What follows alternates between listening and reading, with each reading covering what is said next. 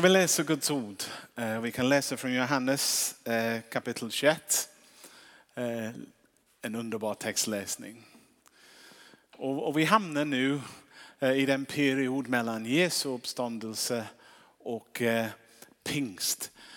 Och vi är inne i sista delen i Johannes nu när Jesus den uppståndne möter Jesu lärjungar.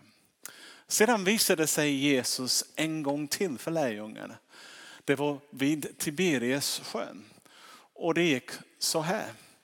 Simon Petrus och Thomas som kallas tvillingen, Nathaniel från Kana i Galileen och Sebedeus söner och två andra av hans lärjungar var tillsammans.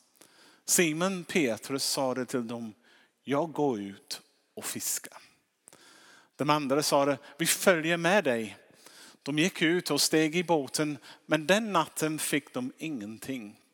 Tidigt på morgonen stod Jesus på stranden, men lärjungarna förstod inte att det var han. Jesus sade till dem, mina barn, har ni inget att äta? De svarade nej. Kasta ut nätet på höger sidan om båten så ska ni få. De kastade ut nätet och nu orkade de inte dra upp det för all fisken. Lärjungar som Jesus älskade sa det till Petrus, det är Herren. Och när Simon Petrus hörde att det var Herren drog han ytterplaget om sig för han var inte klädd och kastade sig i sjön. De andra lärjungarna kom efter i båten med fisknätet på släpp. De var inte långt ifrån land, omkring 100 meter. När de kom in i land fick de se en koleld och fisk som låg på det och bröd. Och Jesus sade till dem, bär hit och fisken som ni fick nyss. Simon Petrus steg i båten och drog upp nätet på land. Det var fullt av stora fiskar, 153 stycken. Och fast de var så många gick nätet inte sönder. Jesus sade till dem, kom och ät. Ingen av lärjungarna vågade fråga honom vem han var. De förstod att det var Herren. Och Jesus gick fram, tog brödet och gav dem och liksom fisken. Detta var den tredje gången som Jesus visade sig för lärjungarna efter att han hade uppstått från den döda. Jesus, vi tackar dig för ditt ord. Vi tackar dig igen också för din uppståndelse, vad det betyder och vilken hopp det inger. Och vi ber nu att du tar ditt ord och du gör det levande till oss genom din heliga ande. Rakt in i vår själ och in i vår tanke. I Jesu namn. Amen. Ja, denna predikan har jag döpt till mötet med den uppståndne Jesus. Den viktigaste möte vi någonsin kan få. Eh, och förhoppningsvis många gånger också. Eh, inte bara att vi möter honom en gång, den uppstånden Jesus, utan att vi möter honom och gör det till en vana. I torsdags kväll när vi hade vår gudstjänst här på kväll, jag predikade över Thomas och hur han möter en Thomas tvivlen, hur han möter den uppståndne Jesus och vad det betyder för honom. Och jag måste erkänna redan nu på en gång, jag fascineras över de här texterna mellan påsk och pingst. Eh, varje gång jag läser dem, jag vet inte vad det händer, någonting händer i mig i alla fall, jag får nytt hopp. Jag skulle gå så långt att säga om du är deprimerad, speciellt om du är en predikant eller du är deprimerad, läs de här texterna och mest av allt börja predika Jesu uppståndelse. Då kommer du märka att någonting märkligt händer i ditt hjärta. Du får en ny fokus och du förstår när du kämpar och kämpar och försöker få livet ihop. Eh, du ser unga kämpar också och sen ser du där den är Jesus som bryr sig. Han är verkligen den gode herdare. Han ser hur de kämpar och han kommer och han tröstar dem. Han uppmuntrar dem och pekar dem åt rätt håll och, och allt sådär. Det är otroligt, eh, otroligt eh, givande att läsa och ta till sig. Och här, jag blir allt mer också övertygad personligen. när Fråga typ, var fanns Jesus när jag behövde honom mest? Eller varför är han alltid så tyst? Kommer i den kategori av frågor som jag kallar för felställda frågor. Nu, det betyder inte att eh, du får inte ställa frågor. Jag hoppas här i denna kyrkan du får ställa alla frågor. Det, det är högt i tak. Men vissa frågor eh, Eh, leder ingenstans och andra frågor om de är bättre formulerade kan faktiskt hjälpa dig att bygga upp din tro istället för att dra ner dig. Och jag skulle säga en mer korrekt typ av fråga som om, om du vill bevara din tro och verkligen hitta någonting riktigt, inte bara en liten tröst för att gå vidare med. En korrekt fråga du skulle vara kanske, hur kunde jag ha missat honom? Och börja fundera över det istället. Eller när, eller när ska jag lära mig att söka upp Jesus istället för oro? När allt är inte som jag hade förväntat mig att det skulle vara. Och när ska jag sluta gå efter mina egna funderingar och inte bara stå på Guds ord och låta det bita in i mig och bita fast i mitt hjärta. En sak jag säger, Gud sällan svarar oss när vi gör oss själva till ett offer. För i hans ögon är vi inte ett offer. Okay, så han, varje gång vi ställer en fråga denna typ av varför stackars mig, han, han nästan håller tillbaka och säger kom igen, formulera lite bättre. Och sen när vi formulerar lite bättre kanske vi, Gud, Gud vad är det? Oh, on, kom on lite mer. Och sen, sen, sen när vi börjar se att vi är hans barn, han finns på riktigt. Han är där nära och vi börjar vända sig. Vad är det Gud som är i vägen? Nu säger han, nu det var en bra fråga. Nu ska jag börja svara dig. Och han vill inte bekräfta en offermentalitet. Han vill, och den heliga ande hela tiden jobbar för att få oss ur det. Och det som gör mig så, så, så uppmuntrad när jag läser den här texten är att lärjungar är inne lite grann i den offertänkande. Och lite i denna funderingar eh, och Jesus lyfter dem också. Eh, och det är väldigt relevant för oss idag. För Petrus och de andra lärjungarna, de hörde till den grupp av människor som kände Jesus bäst och mest. Och de är till och med den grupp av människor som har tillbringat mer tid med Jesus än någon annan. Och de också hade fått höra all hans undervisning, varit med om alla de under som har skett och tecken och fått del av hans privata tankar. Jesus har delat sitt liv med dem. Verkligen, han har levt med dem natt och dag under tre års tid. Och, Jesus hade också varit mycket noga med att, att säga till dem att, eh, och förklara för dem att snart kommer han lämna dem och, och de ska vänta för snart kommer den helige ande. Och de ska sen fortsätta göra vad han gjorde på det sättet han gjorde med den passion och den kraft. Så han hade, han hade inte döljt detta från dem. Han hade verkligen haft eh, öppna kort med dem och sagt här är det. Här kommer det gå till. Det är inte säkert att de uppfattade eh, det någonting bra när Jesus sa att han ska lämna dem. Men hans avsikt var att förmedla tröst och förmedla hopp och vara rädd om dem och hjälpa dem. Men när vi läste texten den senaste dagen hade det väldigt, varit mycket omtumlande. Eh, det, jag skulle säga att de befann sig i någon typ av chocktillstånd.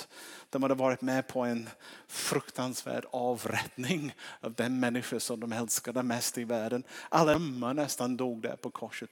Sen har de fått höra att Jesus hade uppstått och att det var inte slutet. Och, sen de tänkte, oj, är han inte? Sen plötsligt dyker han upp och uppmuntrar dem. Och, och deras liv går lite grann så upp, upp och ner så här. Från skräck till tvivel, från glädje till framtidstro.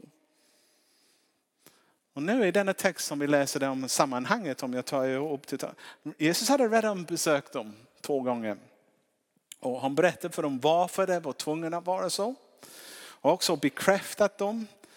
Och också sagt till dem igen att ni har en uppdrag att genomföra. Och också sagt till dem också, men ni måste vänta lite tills ni har fått en helig ande till han kommer. Så för att sammanfatta detta, eh, jag skulle säga att lärjungar hade varit mycket väl förberett eh, och tränats i ord och gärningen av mästaren själv. De hade även haft besök och så vidare. Men trots allt detta gick inte allt bra till. De fick inte ihop det. De kämpade. Och, och, och nu i denna, denna berättelse kommer vi till en liten lågpunkt tycker jag. Väldigt lågpunkt. För de är så förvirrade. Så osäkert.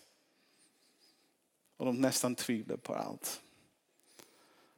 Och jag tycker det är väldigt uppmuntrande för jag kan tänka mig de som har tillbringat så mycket tid med Jesus och de som har varit så nära och följt honom, honom och hört allt. Om de kan vara förtvivlat eller tappa fokus ibland, det är okej okay för mig att göra det. Eller i alla fall. Jag känner mig eh, lite tröstad. Jag, jag, okej, okay, vi är på samma blad här. Jag är människa, precis som de också. Och problemet som, som jag uppfattade var att de det var, jag läser vad jag skrivit här för jag formulerade mig ganska bra tyckte jag.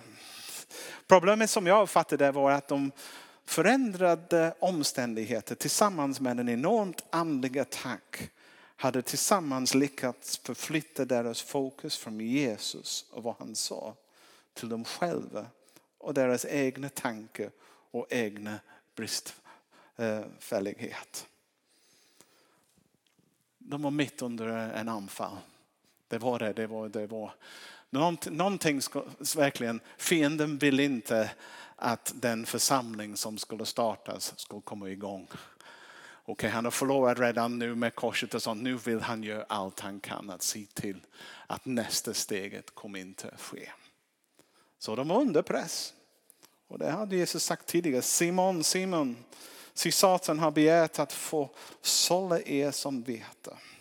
Men jag har bett för dig att din tro blir om intet. Och när du en gång har omvänt dig så styrk dina bröder. Då det är Lukas. De var illa ut just nu de. Eh, och Guds räddningsplan för världen såg vacklande och osäkert ut. För tillfället var de inte speciellt eh, stark. Och de hade börjat kan säga, dra sig undan och gå tillbaka. Det var inte framåt-tänkande nu. De var inne försöker hitta, ja, de känner sig förvirrade, allt är osäkert, allt är ändrat. Så de försökte hitta sin stabilitet igen i den förfluten. Hur livet var innan Jesus kom. Och jag skulle säga att det är inte lätt att vänta. Om, om du är som jag i alla fall, man vill ha allt nu. Eh, det har varit min största problem som pastor och föreståndare ibland att folk säger till mig, Andrew du har en församling du måste ta med dig. Du kan inte bara springa där. Men sen dit ska vi. Och sen man springer och sen tittar runt och tänker, var var alla? Varför måste det ta så lång tid? Varför måste det gå så mycket möten? Varför måste man prata och sånt så mycket? Varför kan det inte bara hända nu? Men det gör inte det. Inte för mig heller. Jag är inte så snabb som jag tror. Det tar mig alldeles för lång tid att fatta det som Gud har för mig. Men eh, Petrus, det var han som var ledare. Han blev först att formulera det som hängde i luften, som alla kände till.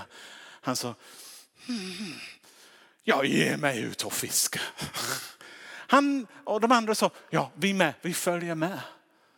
Han säger, jag går tillbaka och börjar göra det jag gjorde innan jag mötte Jesus. Jag går tillbaka till mitt gamla liv, för det kan jag, jag kan fiska. Och då finns min stabilitet, då, för då, då, då känner jag igen mig och jag, jag känner inte denna gungande, denna väntande. Jag känner mig stabil och trygg i vem jag är och vad jag gör. Uff. De nya omständigheterna var för jobbiga. Förväntandets tid var ingenting lätt att ställa sig inom. Den värsta var att alla hängde med. Och det, det för mig är den, en, det, det är en tung insikt faktiskt att om jag är ledare jag kommer påverka alla, även om jag kan påverka dem på bra sätt. Jag kan påverka dem också på ett mindre sätt. Jag tänkte många gånger när man vill slänga in handduken som pastor ibland jag tänker, men vad har det för konsekvens om jag gör det? Det är skrämmande. För det kommer betyda att andra kommer att göra det också. Eh, och det har visat sig många gånger, även om man vill inte att det ska bli på det sättet. Men detta att de trodde att de kunde fiska. Ja, snart visade det sig att det var inte så lätt som de hade tänkt. De fick ingen fisk. Vad Jesu lärjungar höll på att lära sig och vad vi, många andra människor har fått också lära sig efteråt är att det inte är lätt att gå tillbaka efter att ha tackat ja till en kallelse för Jesus och följa honom. Det är inte lätt att, att försöka glömma allt det som man nyligen varit med om och försöka leva det gamla livet som det var förr. Det sällan funkar faktiskt. För välsignelse finns framåt. Och Jesus, han vandrar framåt. Och om man vill leva i Guds välsignelse, det, det leder att du måste verkligen näpsa denna nostalgi som vill spöka till ibland och hålla oss tillbaka till det gamla, hur det var tidigare. Och omfamna framtiden och verkligen omfamna och säga Gud är en Gud, framtidens Gud. Han kommer att hålla oss. Och speciellt när det skakar lite runt omkring oss. Och Jesus, han, han, han är välsignelse även i den vanliga. Om du hade det bra innan du lämnade, om man kan säga så att den välsignelse vi hade tidigare också, det var en del av vad Jesus hade gett oss. Vi är beroende av honom för allt. Så det är lika bra att vi bestämmer oss på en gång att vi följer honom genom allt. För det där är den säkraste plats man kan vara. Det är den tryggaste plats man kan vara. Det är den mest, vad kan man säga, den, den enda plats egentligen var vi kommer att blomma ut och vara de människor som han har skapat oss vara. En så nära honom som möjligt. Och inte i den förfluten hur det var tidigare. Den underbara då när jag, berätt, när jag läser denna berättelse är att Jesus för mig, han ser detta. Han står på stranden och iakttar det. Eh, och han har varit där hela tiden. Han, han tänker, han har kanske varit där hela natten också. Där finns mina killar, vad håller de på med? De tror att det ska hjälpa dem i denna osäkra tid de befinner sig i just nu. Han till och med ropar ett gott råd till dem. Ja, välsignelse finns åt högre. Jag har precis när jag är lite busig, jag skulle gärna ha första maj-predikan och ropa det. Välsignelse finns åt höger, bara för att provocera. Ta inte det som... Det är bara svält åt vänster, ingen fisk där, gå åt höger och se vad skulle hända. Men eh, man får inte använda bibeltolkningstexter på det sättet. Det skulle vara lite för busiga. Men, eh, men Jesus sa kasta ut nätet på högra sidan om båten så ska ni få. De kastade ut nätet och nu orkar de inte längre dra upp det för all fisken. Stod det. Plötsligt är de med om en enormt ekonomiskt under. De hade nu hur många fiskar som helst att ta hand om. De har till och med räknat, de har 153 stycken. Och mitt i allt detta är Johannes den han alltid beskriver sig den, den lärjunge som Jesus älskade. Han som hade speciellt hjärta för Jesus. Han säger, det var ingen vanlig gubbe som ropade. Det var Jesus. Det var Herren. Och det har en fantastisk resultat för Petrus plötsligt boom, vaknar till. Han som verkligen är i behov av att uttrycka sin kärlek och verkligen vill på något sätt eh, ah, han kan inte dölja det. Han, han älskade Jesus så mycket. Han vill slänga sig in i sjön. Och de andra får dra eh, lastet till, till stranden. Snart hinner de alla, hinner alla i land med fångsten och märker att Jesus har förberett frukost för dem. Och Jesus säger kom och ät. Och sen gjorde han något som bara han kunde göra. Jesus gick fram, tog brödet och gav dem och liksom fisken. Och de märker att de är med på en helig stund. Det är så fint också Jesus bestämmer, om han skulle planera, hur ska jag möta mina lärjungar? Ska jag dyka upp igen och bara skrämma livet ur dem? Nej, det bästa sättet att möta dem är under en måltid. Och ingen vanlig måltid, en måltid som liknar den sista måltid som de hade när de satt med Jesus och Jesus delade ut bröd och, och, och påminner. Och de vet att de är med om en mäktig stund. En tydlig påminnelse Att det var han som hade förmåga att försörja dem. Det är han som är livets bröd. Det är i hans närhet som vi lever fullt ut. Ingen annan. Så det finns några tillämpningar som vi kan ta med oss också. När hamnar i en period av förändringar, när det är ostadig, eller när, när och de kommer. Du kan, det spelar ingen roll vad vi, om du har jobbet som du älskar. Tänk om du är tågförare och du tänker att det är så fint att köra tåget mot denna spår, titta på naturen. Du bara har en visst antal gånger du kan köra, sen, sen slutar du jobba där eller något annat. Eller de lägger ner järnvägen. Eller, allt i livet, från vanligt arbete till var du bor, det, ingenting är detsamma. Förändringar hör till livet. Om ingenting förändras då är du i kyrkogården och allt är dött. Ungefär. Men så länge vi lever kommer livet att förändras. Och vår vandring med Gud också kommer förändras. Och det kommer bli en ny kapitel i våra liv. Det kommer bli nya utmaningar som han vill att vi går in. Och vi kan ha det jättekul med en viss plats och sånt och sen plötsligt kan säga nu, nu, nu är det dags för att göra detta. Oh, men jag trivs här och gör detta. Han säger men nu är det dags. Och de kommer. De tider kommer. Varje gång vi hamnar i en sån, som, som period, det, det, det, är väldigt viktigt, superviktigt och vi är extra noga med att se till att vi har vår fokus på Jesus och inte den gode som har varit.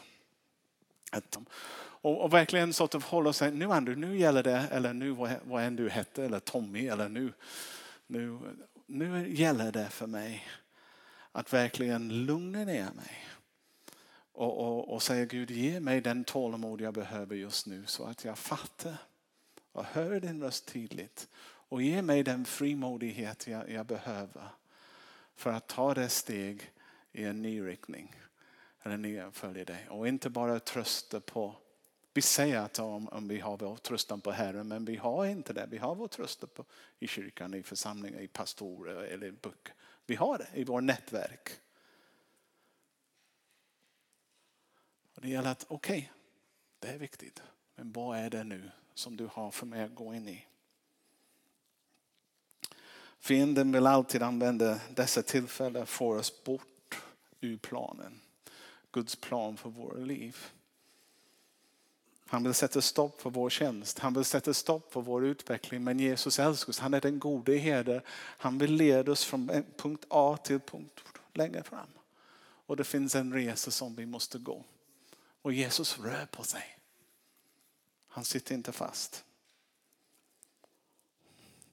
Det är hos Jesus som vår framtid ligger. Det är bara han som kan förse oss med det vi behöver. Hans välsignelse är det vi alla behöver. Och den ligger alltid där han är eller i hans plan. Jag tänker vi, vi ska försöka vara som Johannes. Som kanske blir den första för att sporta. Att det första är att förstå att det är Jesus i någonting som händer. Speciellt när nya saker händer. Där finns han. Istället för att tänka på det som inte är där längre, det som inte är samma längre. Börja säga, men han finns där. Och börja sikta åt honom istället. Så, den lärjunge som Jesus älskade sa till Petrus, det är Herren. Jag skulle säga historiskt sett har kyrkan inte varit så särskilt bra på detta. Vad Jesus säger just nu. De kan historia. De kan predika, de kan traditioner och allt sådär. Men vad är Jesus idag? Vad är han just nu? Vad är, han, vad är det han utmanar sig till? Låt inte förändringar eller livets omständigheter eller väntandet ha död på din tro. Sök efter den uppstånden Jesus. För han finns där. Alltid. Det är vi som behöver vara bättre att se honom. Och låt inte vår egen förstånd leda oss vilsna. Låt den. Förtrösta på Herren av hela ditt hjärta. Förlita dig inte på ditt förstånd. Räkna med honom på alla dina vägar så skall han göra dina stigar jämna. Det är en väldigt bra eh, ordspråk som finns i Ordspråksboken 3, 5-6. Så, landa verkligen nu. Till sist, nu när vi har förberett oss att gå in på en måltid med Jesus, Herrens nattvard. Vad sa du? Jag älskar dig med.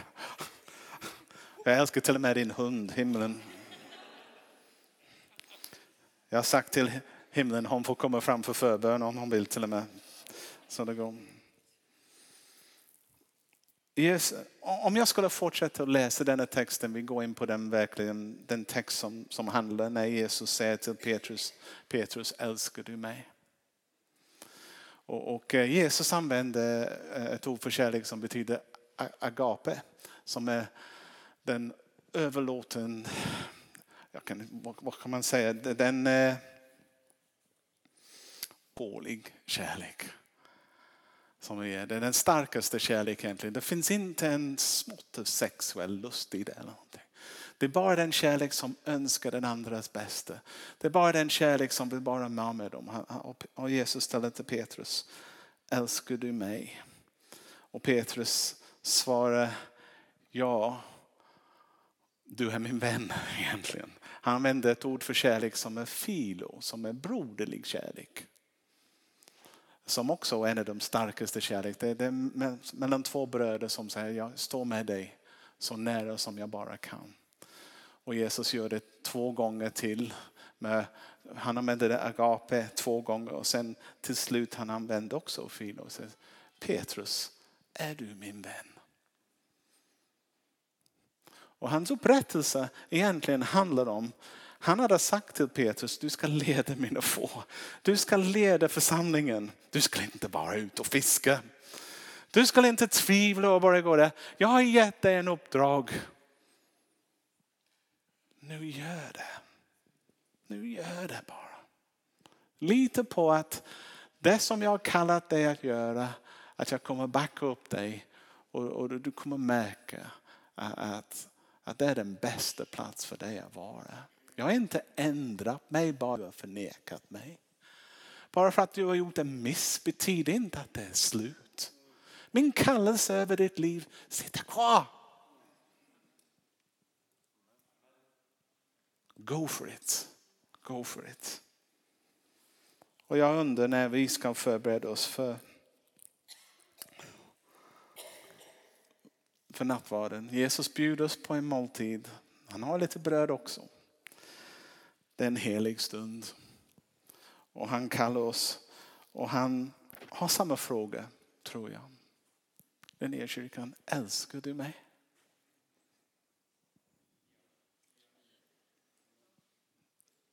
Verkligen. Det finns ett ord här som, så fort jag läste den här texten, jag tänkte på det som kommer från Johannes 14. Det säger, om ni älskar mig håller ni fast med mina bud. King James eh, översättning anses.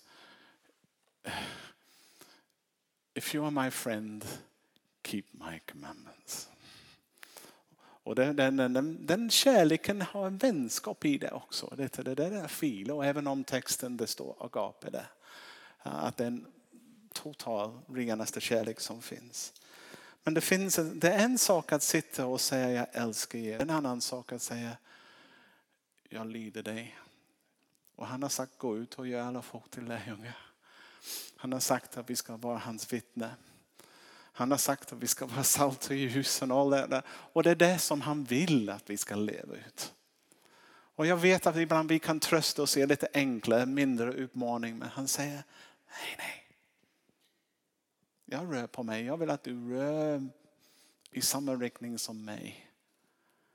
Och börja leva ut den kallelse som jag har över er som församling och över er som individer också.